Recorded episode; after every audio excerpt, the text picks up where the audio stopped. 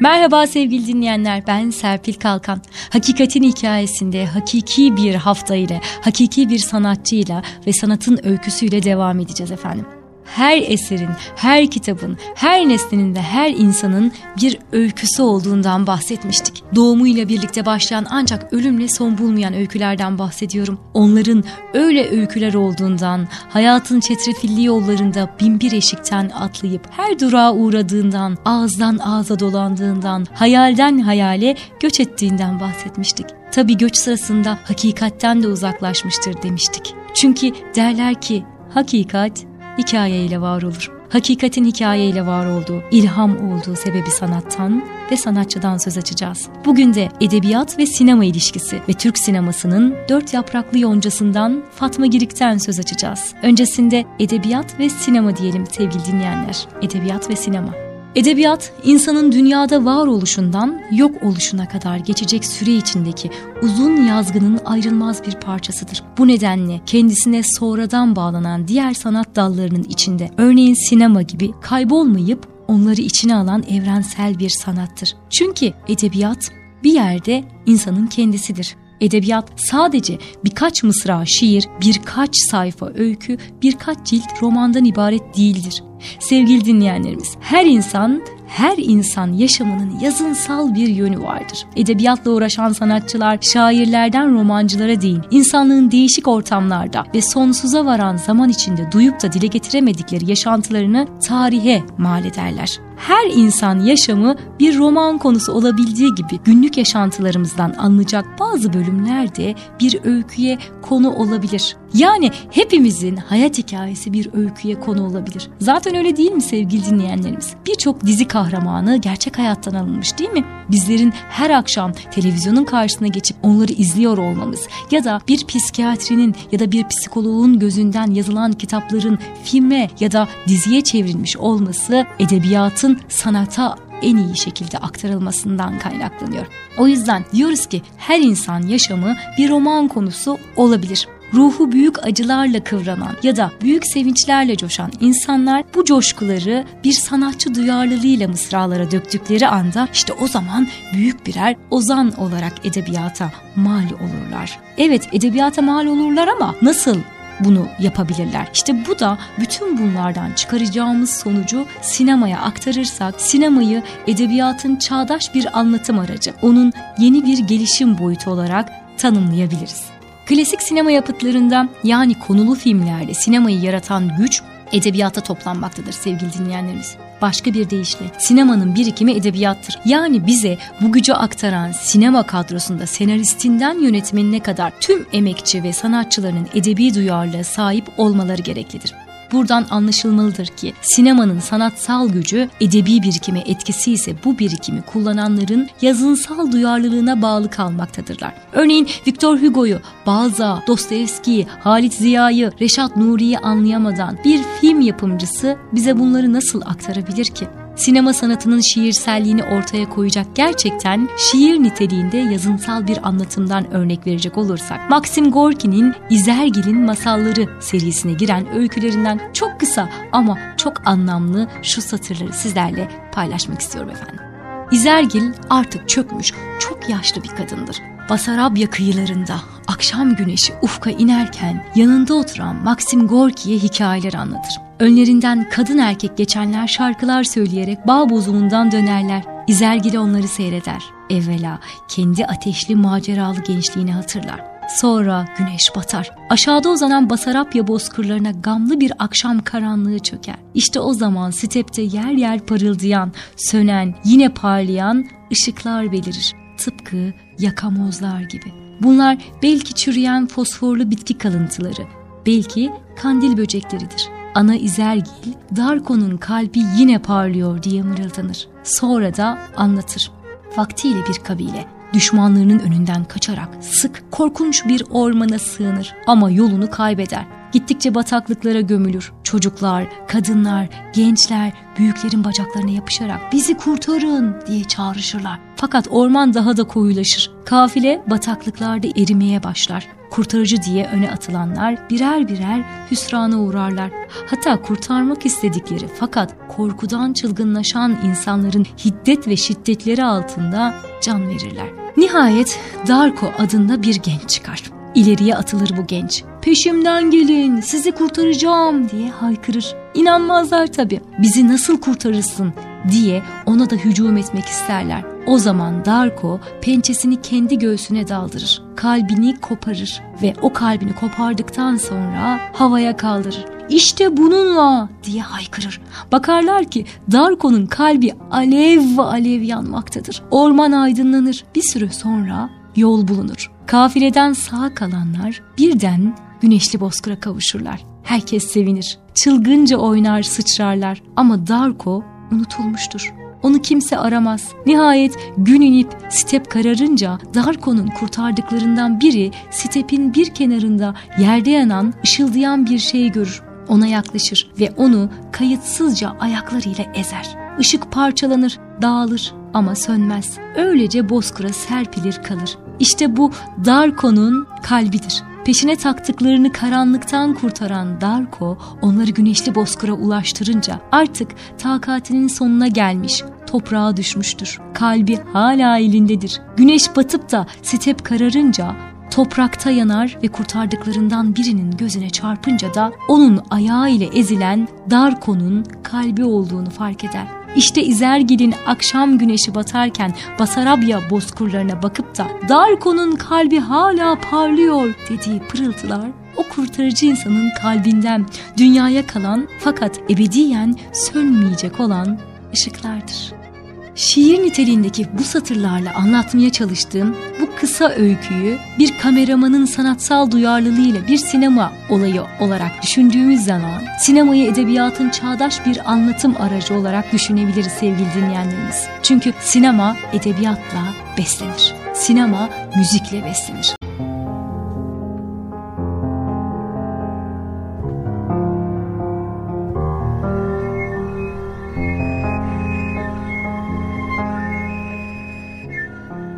Sevgili dinleyenlerimiz 104.7 Kampüs FM'de Hakikatin Hikayesinde devam ediyoruz. Sanat, edebiyat, sinema diyoruz ve Fatma Girik'le devam edeceğiz birazdan. Edebiyat ve sinema etkiledikleri insanlar veya ulaşmak istedikleri kitleler bakımından da bazı yönleriyle ortak bazı yönleriyle de farklı tavırlar içinde karşımıza çıkarlar. İnsanı kendine çekme açısından edebiyatın bireyselliği yanında sinemanın kitleselliği ağır basar. İnsanın edebiyatla ilişkisini kuran eylem büyük çapta okumadır sevgili dinleyenlerimiz. Halk edebiyatında dinleme de önemli bir yer tutarsa da günümüzün gelişen kitle haberleşme araçları karşısında halk ozanları da artık 10-15 kişi olan köy odalarını değil milyonların izlediği televizyon ekranlarını yeğlemektedirler. Buradan çıkan sonuç insanların okumadan çok görmeye daha fazla önem vermeleri, görsel sanat dallarını diğerlerinden fazla ilgi göstermeleridir. İşte sinema her şeyden önce göze, kulağa bağlı bir sanat dalı olması nedeniyle kitleleri kendine kolaylıkla çekebilmektedir. Diğer yandan sinema kendisine bağladığı insanların sınıfsal özellikleri açısından titiz bir ayrımcı kimliğiyle ortaya çıkmaz. Başka bir deyişle kitaplıklardaki edebi yapıtlar kendilerine uzanan ellerde belli bir kültürel yeterlilik düzeyi ararken sinema salonlarının bilet gişeleriyle sinema yapıtlarına yer veren televizyon ekranları insanlarda bu tür bir yeterlilik koşulu aramıyor. Daha hoşgörülü bir davranış içindeler yani. O yüzden de sinema belki de daha çok tercih ediliyor. Ancak burada hemen belirtmek gerekirse edebiyatın sinemayı besleyen geleneksel bir sanat dalı olarak onun kanalından kitlelere ulaşma olanağını da elde ettiğini unutmamak gerekir sevgili dinleyenlerimiz. Günümüzde artık sinema sanatının etkinliğiyle okuyucunun belki aylarca okuyarak bitireceği romanlar bazen birkaç saat ya da birkaç haftalık sinema ya da televizyon filmleriyle kendisine izlettirilebilmektedir. Ya da şimdilerde popüler olmaya başlayan sesli kitaplarla. Ne olursa olsun edebiyat ve sinema birbirinden beslenen iki sanat dalıdır ve ikisi de tek başına salt bir şekilde düşünülemez. Aynı sinemanın Fatma Giriksiz düşünülmeyeceği gibi. Sinema demişken geçtiğimiz hafta vefat eden Türk sinemasının hakiki sanatçısı Dört Yapraklı Yoncası'ndan Fatma Girik'in hikayesinden söz açacağım. Ancak önce sözün ritme dönüştüğü, adının müzik olduğu sanatla devam edelim. Yeşilçam filmlerinde en çok sesini duyduğumuz Belkıs Özener'le devam edeceğiz. Adını anmayacağım diyecek Belkıs Özener.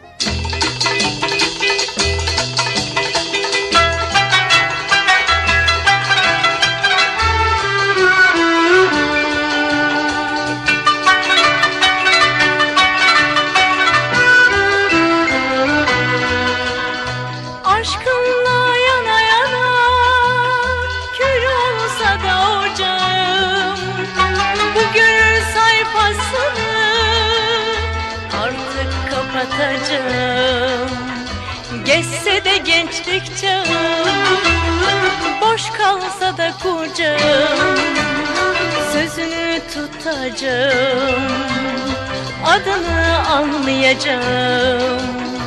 Geçse de gençlik çağım Boş kalsa da kucağım Sözünü tutacağım Adını anlayacağım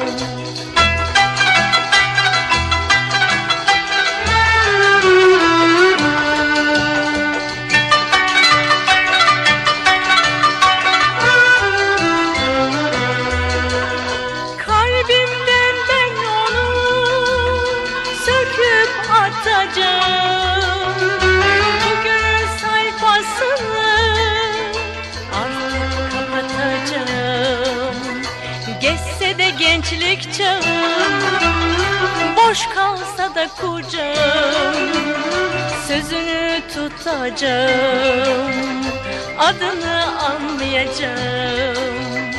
Geçse de gençlik çağım Boş kalsa da kucağım Sözünü tutacağım Adını anlayacağım. Adını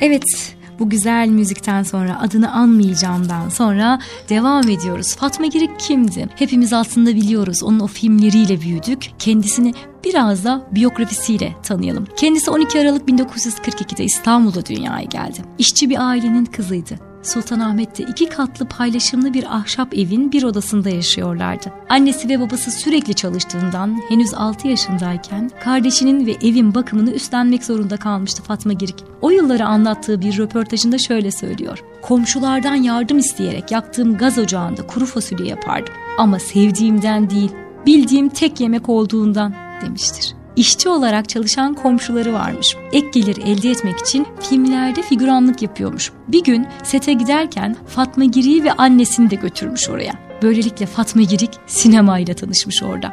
Fatma Girik sinema dünyasına adım atmasını şu sözlerle anlatıyor sevgili dinleyenlerimiz. 12 yaşına gelince gazete okuyan babamın karşısına geçtim. En kararlı ses tonuyla baba ben artık artist olmak istiyorum dedim. Babam biraz daha okumaya devam ettikten sonra gazeteyi katlayıp yanına koydu ve sadece ne olursan ol ama adam gibi ol dedi. Komşumuz Sezai abi işçiydi ama vakit buldukça filmlerde figüranlık yapıyordu. Annemle bana gelin sizi sete götüreyim dedi ve anne kız birlikte setlere gidip figüranlık yapmaya başladık. Bazı komşular ana kız filmlere gidiyor diye tepki gösterdi. 13 yaşındaydım büyük hayaller kurmuyordum. Levent'te bir villada oturur muyum? Evde yardımcılarım olur mu? Adıma ödüller konulur mu? Gibi şeyler aklımın ucundan bile geçmiyordu. Tek derdim eve ekmek götürmekti. İlk olarak evime iki buçuk lira tutuşturdular. Bir sene sonra 1957'de 1000 TL karşılığında oyunculuğa başladım. Bu parayı eve getirip anneme verdiğimde mavi bir bluz ve muz istedim.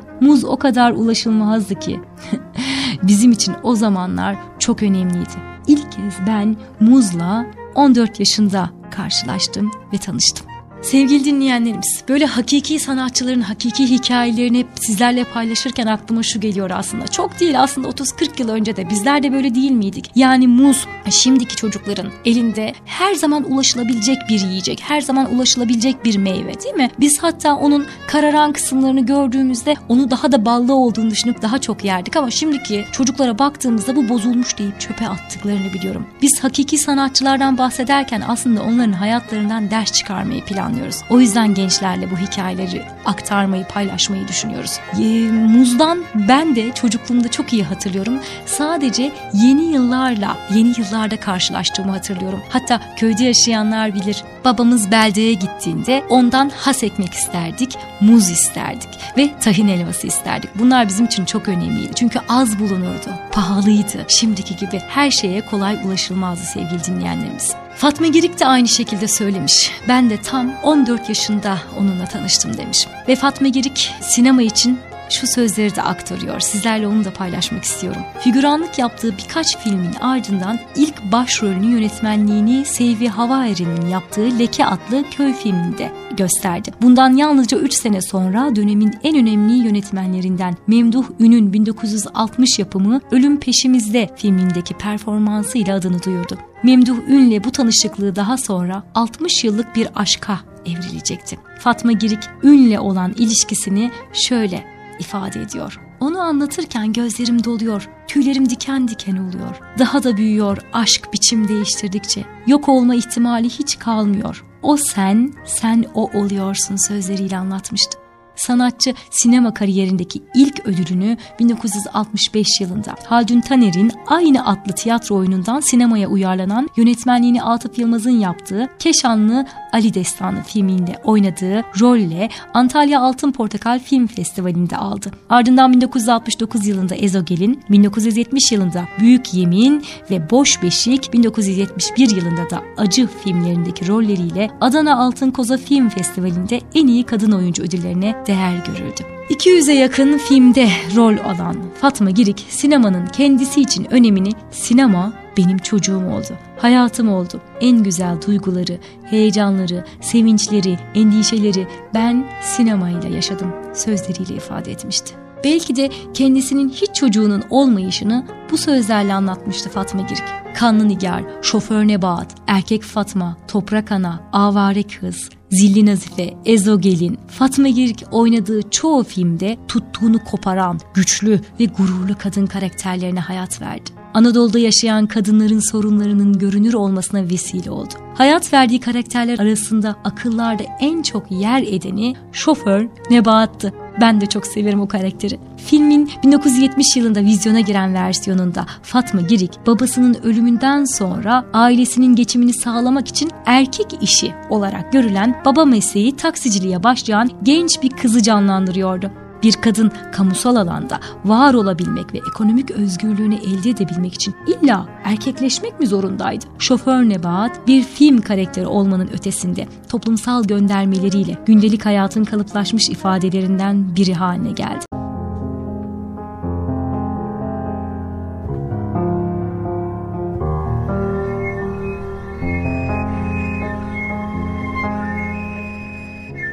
104.7 Kampüs FM'de Hakikatin Hikayesi programıyla devam ediyoruz. Fatma Girik'ten bahsetmiştik. Sanatın ve edebiyatın sinema ile ilişkisinden bahsettik Kampüs FM dinleyenleri. Ve Fatma Girik'in sinema hayatı ile ilgili şöyle son e, açıklamalarımı sizlerle paylaşmak istiyorum. Girik rol aldığı sayısız film arasında en unutamadığı filmin Yılanların Öcü olduğunu söylemişti. Bu da bir edebiyat eserinden uyarlanmıştır sevgili dinleyenlerimiz. Hepiniz biliyorsunuzdur muhakkak Fakir Bay Baykurt'un aynı adlı romanından uyarlanan yönetmenliğini Şerif Gören'in yaptığı 1985 tarihli bu filmde Giri'nin rol arkadaşı Kadir İnanır'dı. Film Anadolu'nun ücra bir köyünde yaşayan iki aile arasındaki sorunlar üzerinden iktidar, mülkiyet ve aile kavramlarını eleştiriler getiriyordu. Sinemanın gerçekleri göstermezse seyirciye ihanet etmiş olacağını düşünen Fatma Girik yalnızca gerçekleri yansıtan yapımlarda rol almayı tercih ettiğini dile getirmişti. İzleyicilerin problemleri, geçim sıkıntıları, sefaletleri,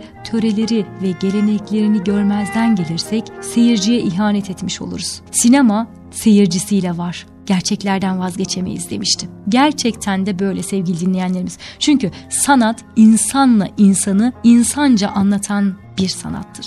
Bu sözü çok seviyorum. Sanat insanı insanla anlatan, insanca anlatan bir eserdir, bir sanattır. Sevgili dinleyenlerimiz, Türkan Şoray, Hülya Koçyiğit, Filiz Akın, Fatma Girik, Yeşilçam sinemasının dört yapraklı yoncası olarak nitelendirilen ve 1960'lı yıllara damga vuran bu unutulmaz kadın oyunculara karşı olan sevgi geçmişten bugüne hiç değişmedi ve hiç değişmeyecek. Fatma Girik halkın yoğun ilgisini insanlar bize olduğumuz gibi sevdiler. Çünkü bizi biz beyaz perdede de kendimize yakın özellikle kadınları oynadık. Dürüst, samimi, fedakar, aşka ve gurura inanan, gurur dolu bir uzun yolculuk oldu bizimkisi sözleriyle yorumlamıştı. Fatma Girik 1959 yılından 2015 yılına kadar yönetmen Memduh Ün'le beraber hayatını sürdürdü sevgili dinleyenlerimiz. Verdiği bir röportajda Memduh Ün'le olan ilişkisinde şu şekilde ifade ediyor. Memduh Ün'le birlikte biz 50 yıla aşkın büyük bir aşk, sevgi, tutku, şefkat, saygı